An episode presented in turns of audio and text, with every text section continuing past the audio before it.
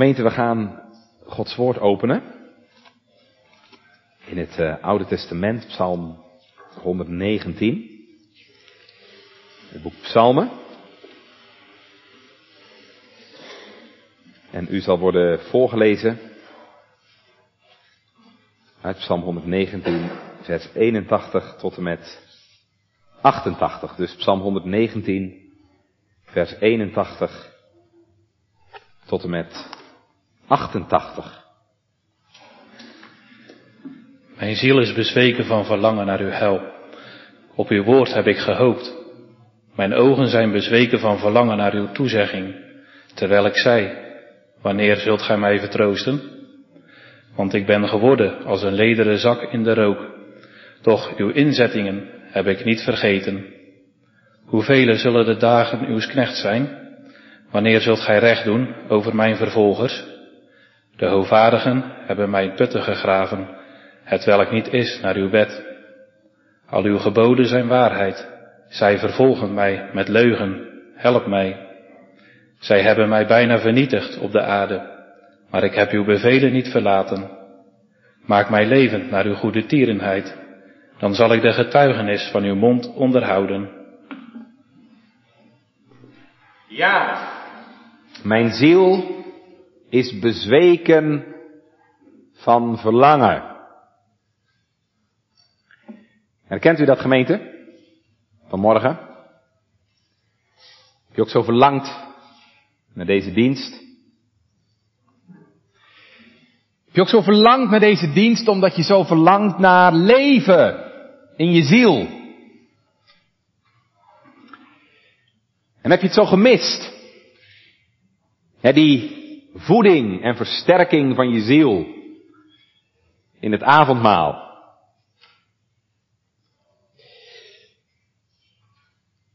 Ja, gemeente, als u dat niet hebt gemist, dan, uh, dan vrees ik het ergste voor u. Ik bedoel, dan vrees ik dat u nog niet leeft. Want gemeente, wie leeft, verlangt naar leven.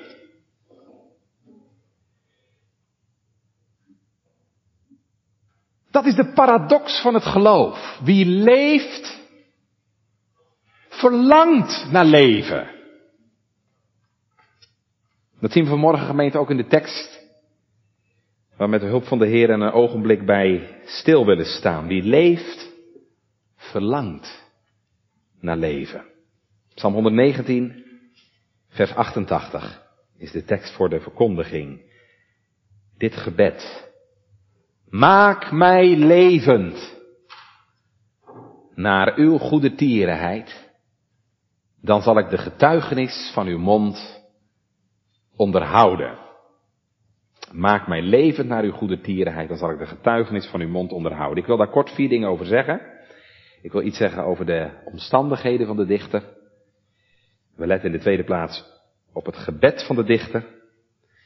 We kijken in de derde plaats naar de grond van zijn gebed. Maak mij levend naar uw goede tierenheid.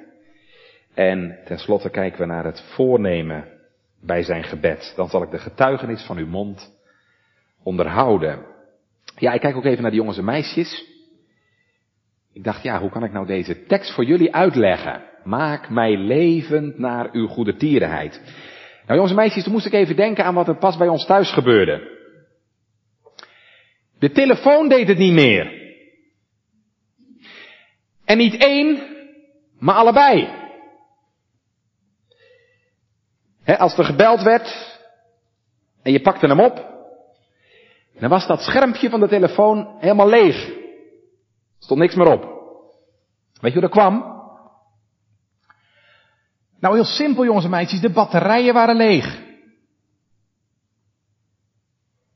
Nou, toen heeft mijn vrouw er gauw nieuwe batterijen in gedaan. En uh, nou doen ze het weer.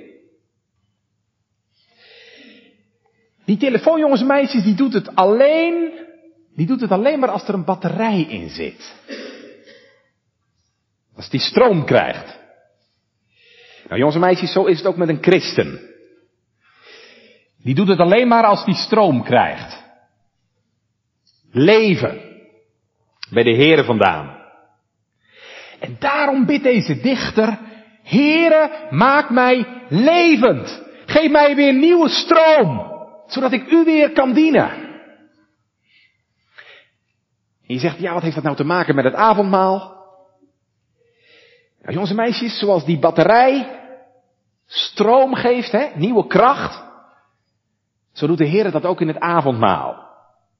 He, door brood en wijn geeft de Heer nieuwe kracht, nieuw leven in je hart, in je ziel, zodat je de Heere weer kunt dienen.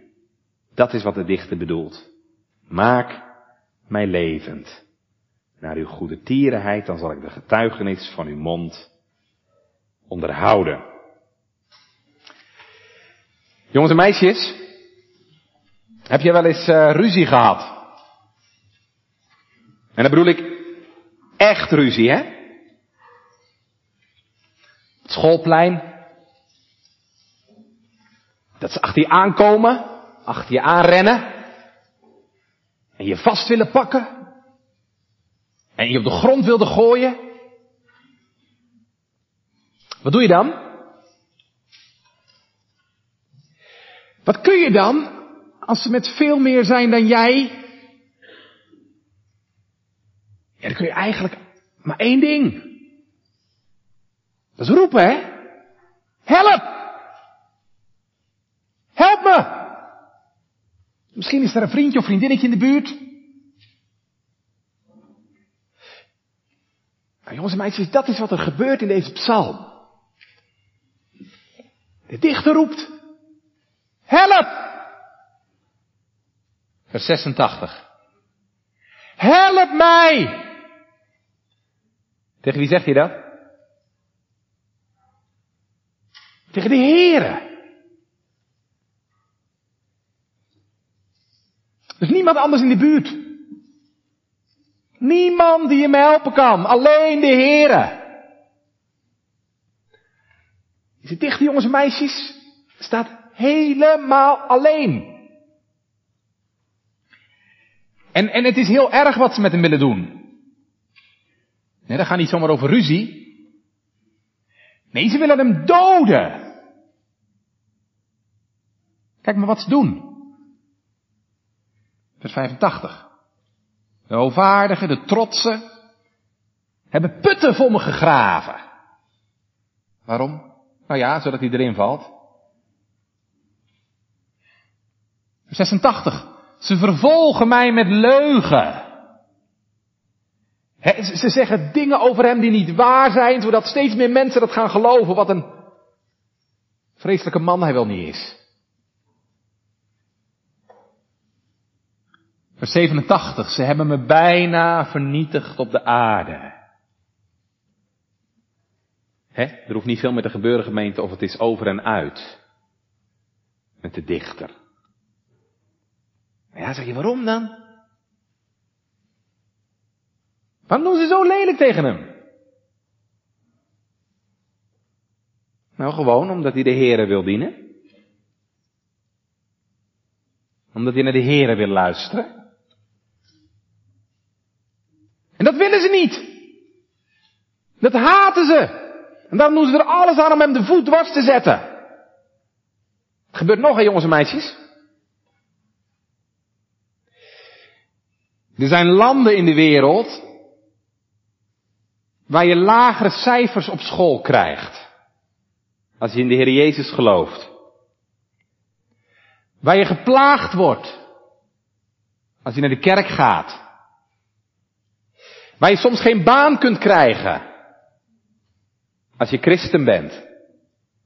Of nou ja, alleen maar het slechte werk, hè? Op de vuilnisbelt. Zoals christenen in Egypte. Die mogen het werk doen op de vuilnisbelt. Nou, dat maakt deze dichter ook mee. Nou zeg jij misschien wel, ja dominee, als het zo erg zou zijn, dan weet ik niet of ik de Heer nog wel wil dienen. Ja, dat zou jij misschien denken, maar zo is het niet bij de dichter. Hij wil nog steeds heel graag de Heer dienen, hoe moeilijk die het ook heeft. Moet kijken wat hij zegt, hè? Ondanks alles wat er gebeurd is, zegt hij, vers 87, Ik heb uw bevelen niet verlaten. Het dus ook nu wil hij de Heere blijven dienen. Jij ook? U ook? Gemeente, is ook je verlangen om de Heere te dienen?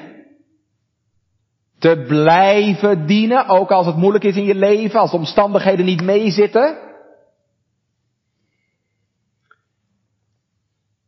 Of is een vierde al genoeg om al onze goede voornemens de grond in te boren? Ik zou zeggen, gemeente, laten we een voorbeeld nemen aan deze dichter. Die, die ondanks deze intense moeite en pijn zo'n God wil blijven dienen. Maar hij beseft wel, gemeente, dat kan ik niet zelf. Dat kan ik niet in eigen kracht. En vandaar die, die noodkreet in vers 86. Help mij!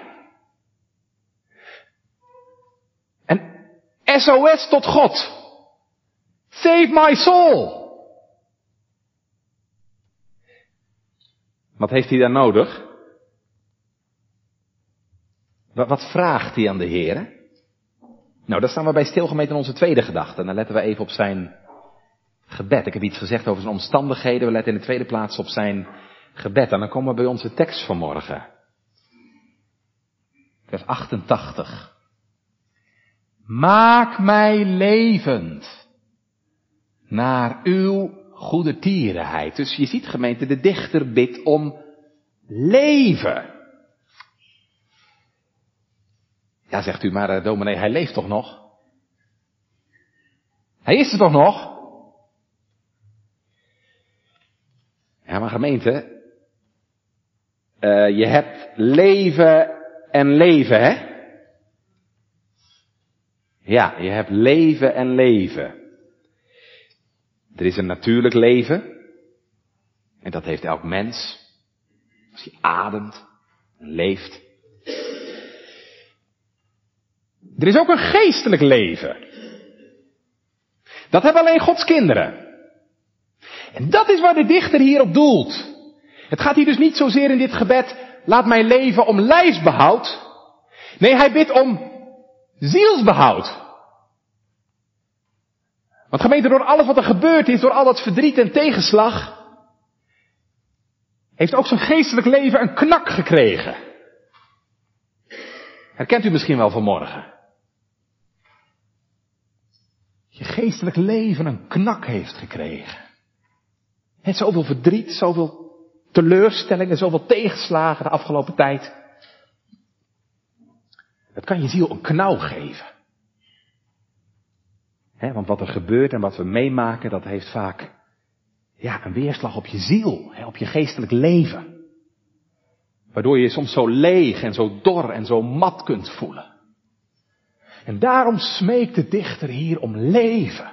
Heere, maak mij levend.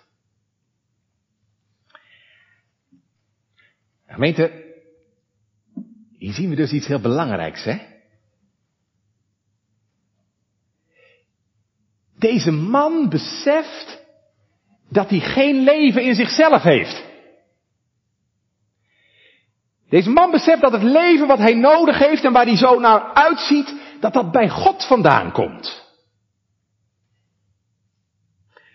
En daar zie je aan gemeente het geestelijke leven dat is bij aanvang en bij voortgang altijd maar weer afhankelijk van God. Het geestelijk leven, gemeente, dat is van begin tot einde afhankelijk van God. Dat begint al bij het begin, hè? Want wij zijn dood in zonden en misdaden. Het is de Heere die ons moet levend maken. Maar gemeente, ook als je levend gemaakt bent en je ziel mag leven, dan blijft dat zo. Dan blijf je afhankelijk van de Heer. hier is een man, Psalm 119, die God kent. Die God lief heeft, die geestelijk leven kent.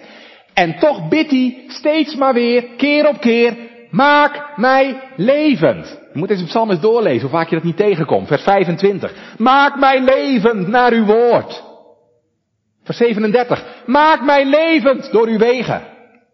Vers 40. Maak mij levend door uw gerechtigheid. En hier vers 88. Maak mij levend naar uw goede tierenheid. Dus ja, niet alleen bij aanvang, maar ook bij voortgang blijft een christen, een gelovige, afhankelijk van de Heer, hè, van de levende werking van de Heilige Geest. En je hebt het steeds weer nodig, ja, dat de Heer leven schenkt aan je ziel. En bij alles wat we doen, hebben we de levende invloed van zijn geest nodig. Hè? Of dat nou gaat om bidden, of dat nou gaat hè, om het verstaan en het begrijpen van Gods woord, of het nou gaat gemeente om het toevlucht nemen tot de Heer Jezus, in alles ben je afhankelijk van de werking van de Heilige Geest. Hè? Want Hij is het die dat leven in onze ziel brengt. De Heer Jezus zegt dat zelf in Johannes 6.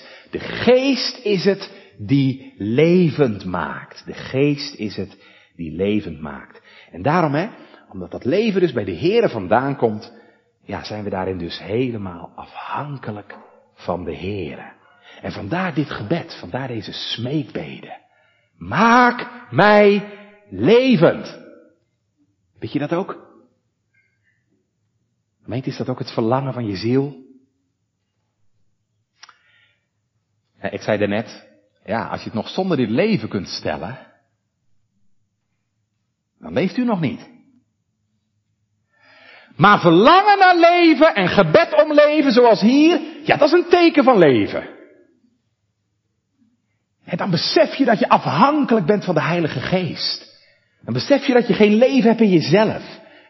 Dat je het ook niet maken kunt en dat je daarom steeds weer afhankelijk bent van de Heer.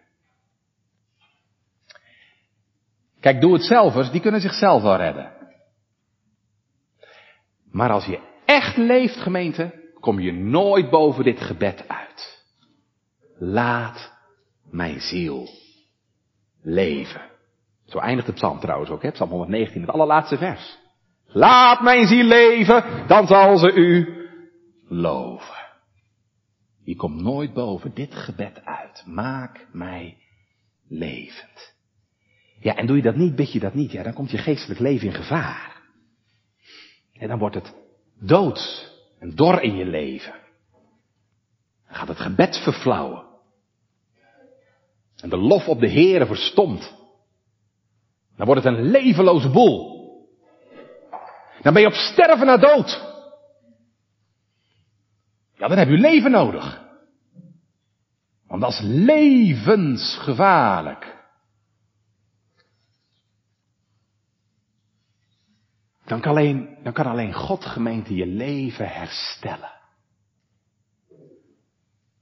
En dan hoop ik zo gemeente dat deze dag vandaag daarbij mag dragen, daaraan toe bij mag dragen. Want gemeente, je hoeft niet dor en levenloos door het leven te gaan. Er is een levende God die aan mijn ziel het leven geeft. Je hoeft niet dor en levenloos door het leven te gaan. Want God wil dat gebed horen, dit gebed. Maak mij levend, dat wil de Heere horen. Want wat deze dichter nog niet wist in het Oude Testament, maar wij wel, is dat het leven is geopenbaard. Dat leven gemeente waar hij naar verlangt, waar hij naar snakt, dat is geopenbaard. Dat is vlees geworden in de Heer Jezus Christus. We horen het Johannes zeggen. Hierin is de liefde van God jegens ons geopenbaard. Dat God zijn enige geboren zoon gezonden heeft in de wereld. Waarom? Opdat wij zouden leven door hem. God heeft zijn zoon geopenbaard, gezonden, opdat wij zouden leven door hem. En u weet het, de Heer Jezus heeft gezegd in Johannes 14, ik ben het leven. Hij is de bron van het leven die leven wil schenken aan mensen. En die het zegt, ik leef en gij zult leven. Dus ja, wil je leven hebben gemeten, dan moet je bij de Heer Jezus zijn.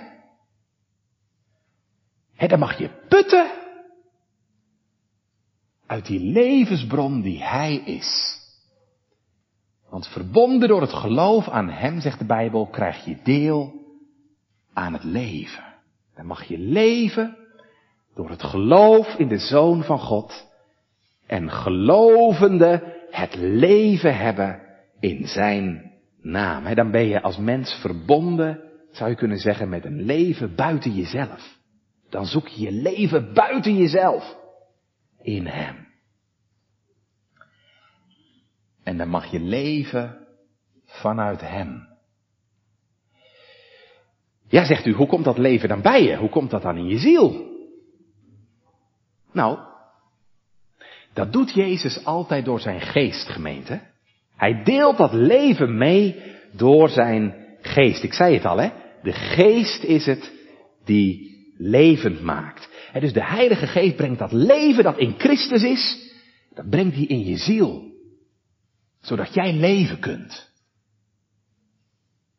Ik leef en gij zult leven.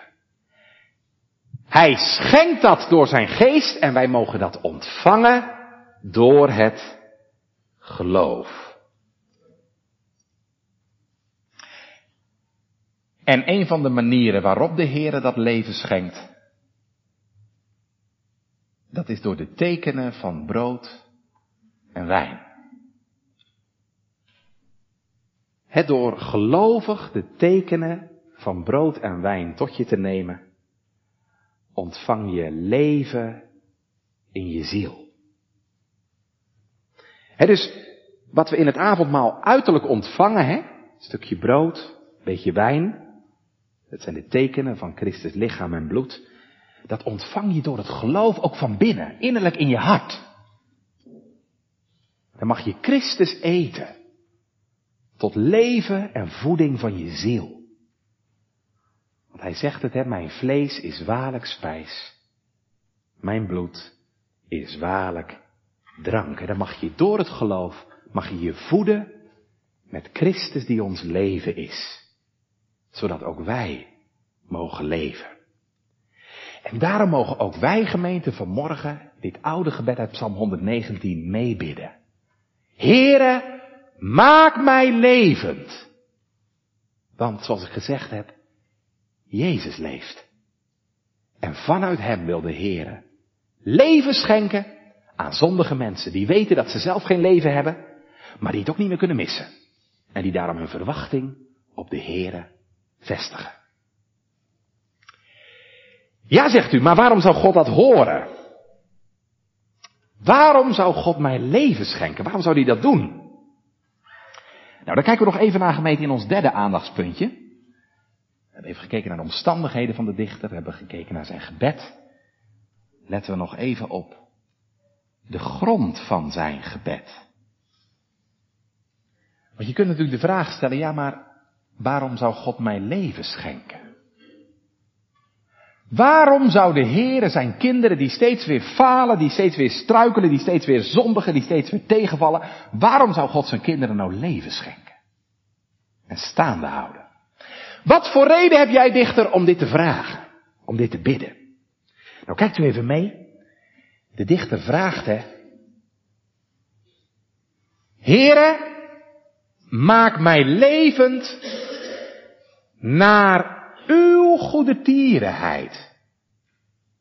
Anders gezegd, maak mij levend op grond van uw goede tierenheid. Dat is de basis, de reden zou je kunnen zeggen van zijn verzoek. Heren, doe dat omdat u goede tieren bent.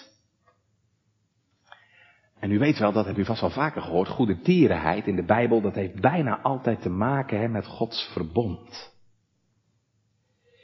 Het woordje gesed in het Hebreeuws, dat staat altijd in relatie met Gods verbond. Goede tierenheid, nou omschrijf ik het even, goede tierenheid, dat is de, de liefde, de trouw, hè, zo vertaalde de berijmde versie, hè, we zongen het er net. Goede tierenheid is de liefde, de trouw, die de Heere bewijst op grond van zijn verbond. En in dat verbond, gemeente, hebben we het er woensdagavond over gehad, hè? in dat verbond belooft de Heer zijn kinderen alles wat ze nodig hebben. Alles wat je voor tijd en eeuwigheid nodig hebt, gemeente, dat ligt in Gods verbond besloten. En dat alles, dat wil de Heer ons schenken.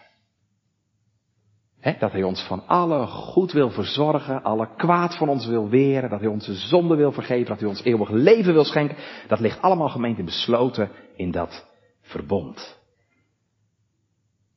De Heere wil ons alles schenken wat we nodig hebben om zijn volk te zijn en zijn volk te blijven. En dan mogen we denk ik wel in het bijzonder denken aan de Heilige Geest. Die ons niet alleen levend maakt, maar die ook ons leven onderhoudt. Nou, dat is dus de basis van deze bede. Maak mij levend, Heer, geef mij leven op grond van uw goede dierheid, op grond van uw verbond. Dus deze dichte gemeente kijkt niet naar zichzelf. Hij kijkt naar de Heere. Want hij weet, God is trouw aan zijn verbond. En God doet altijd wat hij zegt en belooft. En dat geeft hem dus ja de hoop en de verwachting om dit aan de Heere te vragen. Zijn gebed zou je kunnen zeggen vindt dus zijn basis in Gods belofte. Hoezo? Nou, wat belooft de Heer? Wat belooft God aan alle die hem vrezen? U vindt het in Jesaja 54. Dit. Mijn goede tierenheid, heb je hem weer? Mijn goede tierenheid zal van u niet wijken. Dat belooft God aan alle die hem vrezen. Mijn goede tierenheid zal van u niet wijken. Al heb je het soms nog zo verbeurd en verknoeid. Gemeente, dat doet niks af van de trouw van de Heere aan zijn verbond. En aan zijn kinderen. En vindt u dat nou niet hoopgevend? Misschien durf je nauwelijks aan het avondmaal deel te nemen vanmorgen. Want je denkt van binnen, waarom zou God mij zegenen? Na alles wat er gebeurd is. Waarom zou de Heer dit avondmaal voor mij willen zegenen? En waarom zou hij mij willen verlevendigen en vertroosten? Als ik zie hoe ik het ervan af heb gebracht de afgelopen tijd. Zoveel gebeurd. En zoveel tekort, o oh God, aan mijn kant. En zo vaak ontrouw geweest. Dat je zo diep beseft dat je het niet verdiend hebt dat de Heer naar je omziet vandaag. Nou gemeente, dan kan ik u zeggen, dat heb u ook niet verdiend. Dat heeft niemand verdiend. Maar deze psalm, deze woorden laten zien, God doet het ook niet omdat u het verdiend hebt. Of omdat u het waard bent. God doet het omdat Hij goede tier is omdat hij trouw is aan zijn verbond. En als teken daarvan geeft de Heer ons vanmorgen dit avondmaal. Waarin hij in brood en wijn de hartelijke, de panden van zijn hartelijke liefde en trouw laat zien. Al ben ik misschien zo ontrouw geweest. En dan moet je misschien vanmorgen zeggen dat je geestelijk leven zo verdord en verschraald is. Richt dan je hoop niet op iets van jezelf. Maar richt je hoop dan, gemeente, op dat vaste verbond. En geloof dat de Heere trouw is aan zijn verbond. Hoe ontrouw jij misschien ook geweest bent. En laat dit dan de dag zijn. Dat je met hartelijk leedwezen over jouw tekort en ontrouw je toch weer mag toevertrouwen aan de trouw van de Heere. En laat dit dan vandaag de dag zijn dat je het verbond met de Heere weer vernieuwt. En je weer leven en kracht in je ziel mag ontvangen. Ik zei er net, hè. We zijn diep afhankelijk van de Heere. Dat besefte deze dichter, daarom bad hij ook. Heere, maak mij levend. Maar gemeente, je ziet hier ook, je mag ook grote verwachting van de Heer hebben. Hij is goede tieren, dat betekent hij is getrouw. Hij is de God die het verbond en de weldadigheid houdt. En die het belooft. Mijn goede tierenheid zal van u niet wijken. God is trouw aan zijn verbond. En daarom is hij trouw aan alle die hem vrezen. En daarom houdt hij in stand wat hij begon. dat hoorden we vorige week zondag. Vertrouwende dat hij, die een goed werk in u begonnen is, dat zal voltooien. Tot de dag van Christus. Wat is dat heerlijk. Als de Heere een goed werk in je leven begonnen is. Gemeente, dan houdt hij dat in stand. En dan maakt hij dat ook af. En al kun jij duizend keer vrezen dat er niks van terecht komt. Hè, omdat je steeds weer tekort schiet. Dat doet van zijn trouwgemeente niks af. Bergen kunnen wijken. En heuvelen wankelen. Maar mijn goede tierenheid zal van u niet wijken. En het verbond van mijn vrede zal niet wankelen, zegt de Heere, uw ontfermer. Klamp je dan vast aan dat verbond. Dat in alle dingen wel geordineerd en vast is, zoals David zegt. En zie dan eens gemeente of God niet doet wat hij belooft. Ja, en als je dat mag ervaren, gemeente, dat de Heer doet wat hij belooft. Als je weer mag ervaren dat de Heer leven en kracht geeft aan je ziel. Ja, dan kun je ook weer met nieuwe moed en kracht de Heere dienen. Nou, dat is ook het verlangen van deze dichter. want hij zegt tenslotte, als u dat doet, Heer, als u mij levend maakt naar uw goede tierenheid, dan zal ik de getuigenis van uw mond onderhouden. Dat is het laatste wat we zien, het voornemen van de dichter. Wat is dat voornemen? Om de getuigenis van uw mond te onderhouden. Wat is dat, de getuigenis van uw mond? Heel eenvoudig gemeente, de getuigenis van uw mond, dat is wat, alles wat de Heer gesproken heeft met zijn mond. Dus dat is deze Bijbel, dat is zijn woord. Getuigenis van uw mond betekent alles wat de Heer gesproken heeft in zijn woord. Dat zal ik onderhouden, zegt de dichter. Dan zal ik uw woord, Heere, onderhouden. Als u mij leven geeft, ja, dan zal ik u weer dienen, Heere. Met heel mijn hart, en met al mijn krachten. Het is belangrijk dat je dat verband ziet, hè? want dat is een causale relatie. Als u mij levend maakt, dan zal ik uw woord onderhouden. Ik kan het niet, Heer, als u mij geen leven geeft, maar als u mij leven geeft, dan kan ik uw woord onderhouden. In eigen kracht kan ik het niet. Maar als u het geeft, ja, Heer, dan kan het. Dan zal ik het doen. Dus je ziet gemeente, de Heer, de dichter, de dichter houdt dus niet alleen maar de Heere aan zijn verbond, hè, dat zagen we net. Maak mij levend naar uw goede tierenheid, naar uw verbond. Maar de dichter wil ook zelf zich aan het verbond houden. Hij wil met nieuwe kracht en met nieuwe inzet de Heere dienen. Dat hoort natuurlijk bij elkaar, hè? Aan de ene kant heb je zeg maar de verbondsgave, dat wat God ons geeft. Aan de andere kant heb je natuurlijk ook de verbondsplicht. Wat wij moeten doen en wat de Heer van ons verwacht. En wat is die verbondsplicht? Ja, dat wij van nu voortaan in waarachtige gehoorzaamheid en dankbaarheid jegens God de Heere leven en in een nieuw godzalig leven wandelen.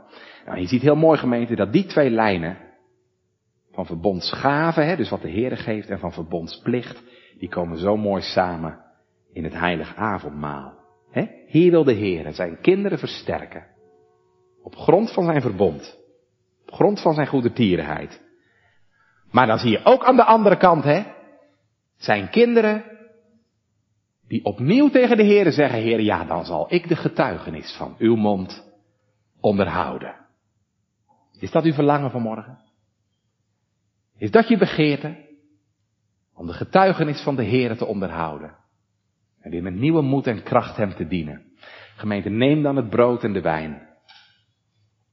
Als uit de hand des Heren, waarmee hij je ziel wil versterken en verlevendigen. En geeft u dan van uw kant de Heere de hand. Opdat je aan zijn hand mag leven en gesterkt door het leven dat hij geeft, hem weer mag dienen. En de getuigenis van zijn mond onderhouden. Vanuit de hartelijke beleidenis. Ik zal u hartelijk lief hebben. Here, mijn sterkte. Amen.